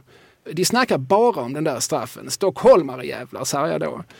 Jag retar mig. Den var perfekt lagd. Tomaszewski gick för tidigt. Det var domarejävulens fel, så sant jag sitter här. Så kommer han Widerberg och snackar om att han går över på andra sidan gatan om man möter Tapper. Va? Vad är det? Malmöbor som håller samman. Och den ska de ge en Oscar. Kös mig i aselet, sa jag. Nej, möter jag Widerberg på gatan så ska min själ få en straffspark så kulorna far upp i mjälten på han. Ja, det var lite grann en sorts ja, ja, ja. svar. Ja, just det. Ja. Ja, men är, Staffan har ju själv sagt om det här att eh, det är klart att han inte har tyckt det var så himla roligt. Eh, Publiken skanderade Polen, Polen efter honom sådär när han spelade på motståndararenorna. Men samtidigt så, så har han ju sagt det där att ja, men jag är ju ihågkommen för det i vart fall. Det är väldigt många fotbollsspelare som försvinner rakt ut i glömskan och ingen kommer ihåg dem för någonting. Men fortfarande när det är eh, olika EM och VM-slutspel och sådär och man funderar över straffar så i tidningarna, så alltid ringer man fortfarande och intervjuar Staffan Tapper kring det här. Ja, ja, han har fått åka ner till Polen Ja. och lägga en ny Ja, straff han på Tomaszewski vid nya VM och EM etc. Ja, ja, ja. Och sådär. Ja. Så absolut, men, men, men det ska väl också nämnas att en bättre mittfältare var där inte. Nej, nej. Och det är ju, den här familjen Tapper, det är ju också så att hans, Staffans pappa Börje, han var ju en eh, också eh, MFF-spelare, spelade på 40-50-talet, så där var proffs i Italien. Alltså där, och han var ju nickspecialist om man nu jämför med det som Ekelund skriver om Staffan. Så han, han spelade ju i väldigt många år och sen kommer Staffan och sen har ju Staffan också flera barn och hans dotter Emma spelade ju i damallsvenskan. Så att det är många generationer i familjen Tapper. Jag tror till och med att Börjes far också spelade i MFF om jag inte minns fel. Så att de är fyra generationer. Va? Men eh, ja, jag minns att jag, att jag en gång av olika skäl som är, som är för krångliga för att reda ut här men gjorde en telefonintervju med Ingvar Oldsberg om Staffan Tapper. Mhm. Och jag minns väldigt tydligt Oldsbergs omdöme. Mm. Alltid spelbar. Alltid spelbord. Ja, ja. ja men det, Det tyckte han att vi skulle ta med oss. Mm, Nu skiter vi i straffen. Ja, vi kommer jag. ihåg att han alltid var spelbar. Ja, ja. Staffan har faktiskt berättat en rolig historia för mig som härrör ur hans pappas arkiv av anekdoter. Nämligen någon gång på, om det nu var på ett slutet på 30, äh, 40-talets början kanske, så skulle MFF spela, kanske var det cupfinal i Stockholm. Och, sådär. och så säger Erik Persson gentilt, då får ni ta med er era fästmör, fruar. Bjuder vi på det, resa, kan vi gå på, ut på nöjesetablissemang och sådär. Gå på lokal. Ja, ja, och det är jag menar, det hade man inte så stora möjligheter till annars kanske, så det var ju fantastiskt. Men det var ju också så att många av de här spelarna de hade ju inga fästmöar. Så att då gick de, någon försynt till Erik och sa, jo men vi, vi, det är ju så här, vi har ju faktiskt inga fruar eller fästmöar de flesta av oss. Det var ju unga pågar. Ja, ja, sa Erik, men då tar ni med era mammor istället. Så det gjorde de. Och det finns en fantastisk bild där alla de här mammorna i iklädda hattmodet från den tiden och liksom dräkter och så står uppradade då och har fått åka med på den här resan med Malmö FFs fotbollslag. Ja. Ja, det, det, det är också liksom bilder från ett annat Sverige. Det, är det här som väldigt, det finns, man använder ibland begreppet paternalism, alltså det här liksom väldigt omhändertagande. Eh, men där, där man ju också liksom bestämmer. Det är ju inte så att eh, alltså, i, i ett annat land, i, en annan kultur så, ja men vadå, en fästmö, hittar du väl ute på gatan? De, Ja, ja. de är inte så dyra. Nej. Nej, men precis. Men så tänk, tänkte man inte i dåtidens MFF. Nej. Och det är all heder åt det såklart. Mm. Men det fanns också en uttalelse av Erik Persson som ordförande. Han hade också den här Spelarna spelar ju ofta på sommaren också när man normalt sett skulle haft semester. Eh, något som hette eh, intertoto-matcher och sådär, turneringar som gick. Och som kompensation för det så bjöd man alltid efter säsongens slut på hösten så bjöd man spelarna på en resa till, ja det kan ju ha varit till, till kanske till USA eller till Kanarieöarna och, och då skulle alltid fruarna få följa med. Så att de kände att de, de försakade ju väldigt mycket för deras eh, män var ju mycket ute på resande fot. Till alla flickor vi har försakat. Ja precis, till alla de som trott. Mm. Ja nej men visst, du är en levande liksom eh, fotbollshymnsmaskin idag. Eh, Tydligen. Och det ska jag säga att det är inte min förtjänst. Utan har man dem runt omkring sig hela tiden så finns ju risken att de åtminstone fragment fäster sig lite här och var. Vi är svenska fotbollsgrabbar, apropå Georg Åberg Eriksson. Den skrev han ju själv, Ja det gjorde han både ja. text och musik till. Just det ja. Ja. ja. Han hade de kvaliteterna också. Ja. Det är också roligt där, liksom också bilden av det gamla Sverige. Att Ralf Edström och, och hela då liksom Bosse och även så här Benno Magnusson och, och eh, Ronny Hellström och så. De här liksom coola killarna med de här enorma polisongerna. Att de får stå och sjunga den här Vi är svenska fotbollsgrabbar som, som redan Nacka förmodligen har tyckt var lite töntigt. Ja, ja, ja, ja precis. Eh, Men det fick de göra 74. Och Nacka var ju för övrigt själv också in Vi hänger med, vi hänger med. Av någon anledning så gör vi faktiskt det. Text Stickan Andersson tror jag. Ja, där. Ja, men vi associerar oss fram här. Jag gissar att vi har missat en massa viktigheter men vi har fått med en del andra viktigheter. Framtid och sånt pratar vi inte om. Nej, nej, är, Vi, vi pratar om det förflutna. ja, det är vi ju bäst på. Jag tänker att det finns, eh, det finns en herrans massa poddar för den som vill liksom följa MFF här och nu och prata om, om deras status idag och sådär. Och det finns också en massa böcker i ämnet. Verkligen. Eh, Jag minns framförallt den här titeln Blott ett lag som jag tror Mats Wehrman har skrivit. Alltså blott med å. Jag tycker inte den vitsen är helt perfekt. Nej. Någon, även om jag förstår då blott en dag, men det är blott ett lag. Det är ju så konstig svenska. Jag tycker, Är med, metern haltar tycker du? ja, det är sätt? någonting som, som retar mitt språksinne. Men sen så å andra sidan, jag har lagt den på minnet. Ja. ja, men Mats Wehrman han, han har också skrivit en bok som heter 1979 när Malmö, var näst, Malmö FF var näst bäst i Europa. Som just handlar om det här Europacupäventyret. Den är också väldigt läsvärd. Är det några personligheter som, alltså vi har, vi har nämnt Bosse och det, och det är ju roligt för övrigt. Alltså, det, det, det är inte särskilt länge sedan som eh, det var väl i samband med när Zlatan-statyn skulle sättas upp vid Malmö stadion. Det var ju såklart en herrans massa tjafs om detta i stan. eh, Som är den, ska den stå där? Han har väl knappt spelat för MFF säger någon. Och Rakel Tjuker i Sydsvenskan menar att den ska ersätta Frans Sivel-statyn, tyckte hon. Eller, där skrev hon ju för att som göra en poäng. Men alltså, Zlatan representerar inte MFF, Zlatan representerar Malmö. Staden, ja, precis. Kanske rent av Sverige. Och, och så där. Det var en massa liksom, tjafsande hit och dit. Och, men det, man visste liksom varje gång en, en artikel börjar med Zlatan är en av de största fotbollsspelare vi har haft så vet man att det kommer dröja 0,01 sekund innan kommentaren i Facebookfältet dyker upp. Du glömmer inte Bosse va? Nej, just det. Det är ju någonting med Bosse-generationen. Ja, som- men absolut. Han är ju, jag har aldrig sett så många t-shirts föreställande nu levande person nästan. Som, om man undantar sådana här som går rockkonserter så är det ju klacken som går med de här Bosse-t-shirtsen. Alltså. Ja, det är ju liksom fascinerande. Liksom min 16-årige son har en relation till Bosse. Ja. Nu är han ju som han är och han är son till den han är. Som, Visserligen inte ett fotbollsfan, men någon som är intresserad av det förflutna. Men att de finns jämnåriga till mig som ju heller knappt har upplevt Bosse. När, när lägger han skorna på hyllan? Det är ju på 80-talet. Ja, men det är början på 80-talet eh, och han blir, jag vet att han blir spelande tränare i Sofielund faktiskt en kort period och sen så eh, Ja, sen tror jag han slutar helt enkelt. Ja, Och han är ju inte den som har, han har ju gått mycket på Jägersro men han har ju inte sprungit benen av sig på Malmö stadion genom åren.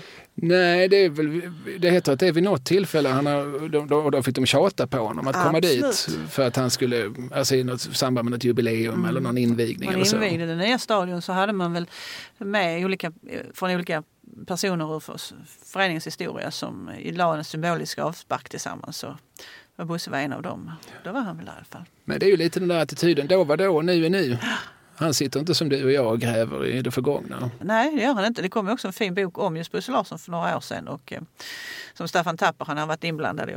Och, och kände ju Bosse mycket väl. De brukade bo ihop när de reste på, på bortamatcher och sånt där. Och Bosse Larsson han tyckte det var jättekul med den här boken. Men, eh, men det var ju liksom det hela. Han var inte så intresserad av själva produktionen eller någonting. Han har inte, han har inte läst boken precis. kanske han inte har. Han, han var ju med, han visste ju vad som hände. Ja, varför ska han läsa den? Ja, men lite den attityden som man någonstans också tänker är lite malmöitisk. Att ja, det är inte så jävla mycket att tjafsa om. Att man gör sitt jobb, man gör Ja. sin plikt. Ja. Man går in och vinner och sen Ja. så sen tar man en cigg i omklädningsrummet. Definitivt gör man det. Jag tänkte Bosse var ju ändå en tidig också. Han var ju proffs i Stuttgart i Tyskland i några år på 60-talet. Så han var ju iväg från Malmö. Om det var två och ett halvt år eller någonting sånt där. Och sen så, jag menar, vilken annan person som helst i den åldern hade ju tänkt ja, jag stannar kvar några år utomlands och tjänar lite mer pengar. För det gjorde man ju redan då. Men då säger Bosse, nej, Tösen skulle börja skolan så vi flyttar hem till Sverige igen. Spelade han i Malmö FF igen? Det var inte mer med det. Då var han klar. Ja. Nej, och, det, och det är ju sympatiskt. Det är, Man kan ju se det på två sätt. Det ena är ju det här, liksom, det är lite fantasilöst. Det är ja, men sådär, som vi pratade om i det allra första ADU där vi diskuterade begreppet Malmöhet. Att å ena sidan så finns det ju någonting liksom, uppfriskande i det här att eh, men jag har vad jag behöver. Å andra sidan så finns det ju kanske någon liksom, brist på intresse för omvärlden. Det går liksom att läsa på bägge sätten på något sätt. Jo, jo. Men det är också, alltså Bosse har väl med hela sin person och med hela sitt CV har ju också varit med och liksom byggt bilden av Ja, framförallt då liksom det gamla Industri-Malmö, Kockums Malmö och så. Så det, hans attityd har väl hjälpt till att skapa bilden också av, av staden. Men det är klart, han jobbar på järnmontering. Jag menar det är klart, kom han på måndagen och de hade förlorat då fick han ju höra gliringar från sina... Så funkar det ju. Ja, så då fick han ju se till att vinna. Ja, jag menar Man det. vill inte bli glirad på Det arbetsplatsen. vill man inte. Nåväl. Mm. Ja, nej, vi har glömt det mesta men vi fick med en del. Nej, men jag, jag, jag tänker att vi kan eh, nästan sätta punkt för samtalet. Vi kanske återkommer i ämnet. Eh, Jo, jo, men en sak som jag inte tog upp. Jag nämnde inledningsvis att du har liksom dragit dig lite grann för det här ämnet. Mm. Men det är för att du var rädd att du inte kunde hålla reda på eh, alla, alla smålagen. Nej, men precis. Jag, jag, det kan ju inte de alls. Precis. Utan jag, jag har ju befunnit mig i Malmö FF som ledare i största delen av, av mitt liv. Så att det är ju den föreningen jag kan hyfsat, men inte så mycket om de andra. Nej, och det finns en massa andra, sä- säger jag som gammal public service-medarbetare. Det Ja. finns ju andra fotbollslag i Malmö också. Men jag var ju framförallt intresserad av fotbollens liksom, betydelse för, för Malmö som fotbollens del i att skapa Malmös bild både inåt och utåt. Ja.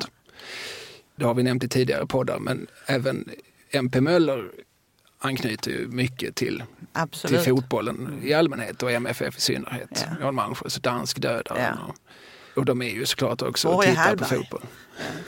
Ja, och han blev ju utslängd från stadion faktiskt, stackaren. Han ska ju komma in där efteråt och är lite påstruken och vill komma in i omklädningsrummet och prata med spelarna. Men han är ju inte ihågkommen där längre. Så vaktmästaren som står där han säger, du kommer inte in.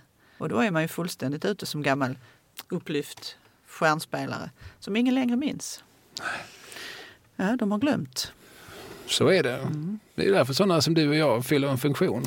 För vi glömmer inte i Tack, första taget. Plötsligt känner jag mig att... Ja. ja. men så är det. Vi hade, inte, vi hade kommit ihåg dansklödaren Ja, om vi nu hade varit MFF-spelare på 70-talet Ja. som suttit i det fiktiva omklädningsrummet Ja. i den tv-serien. ja, men absolut.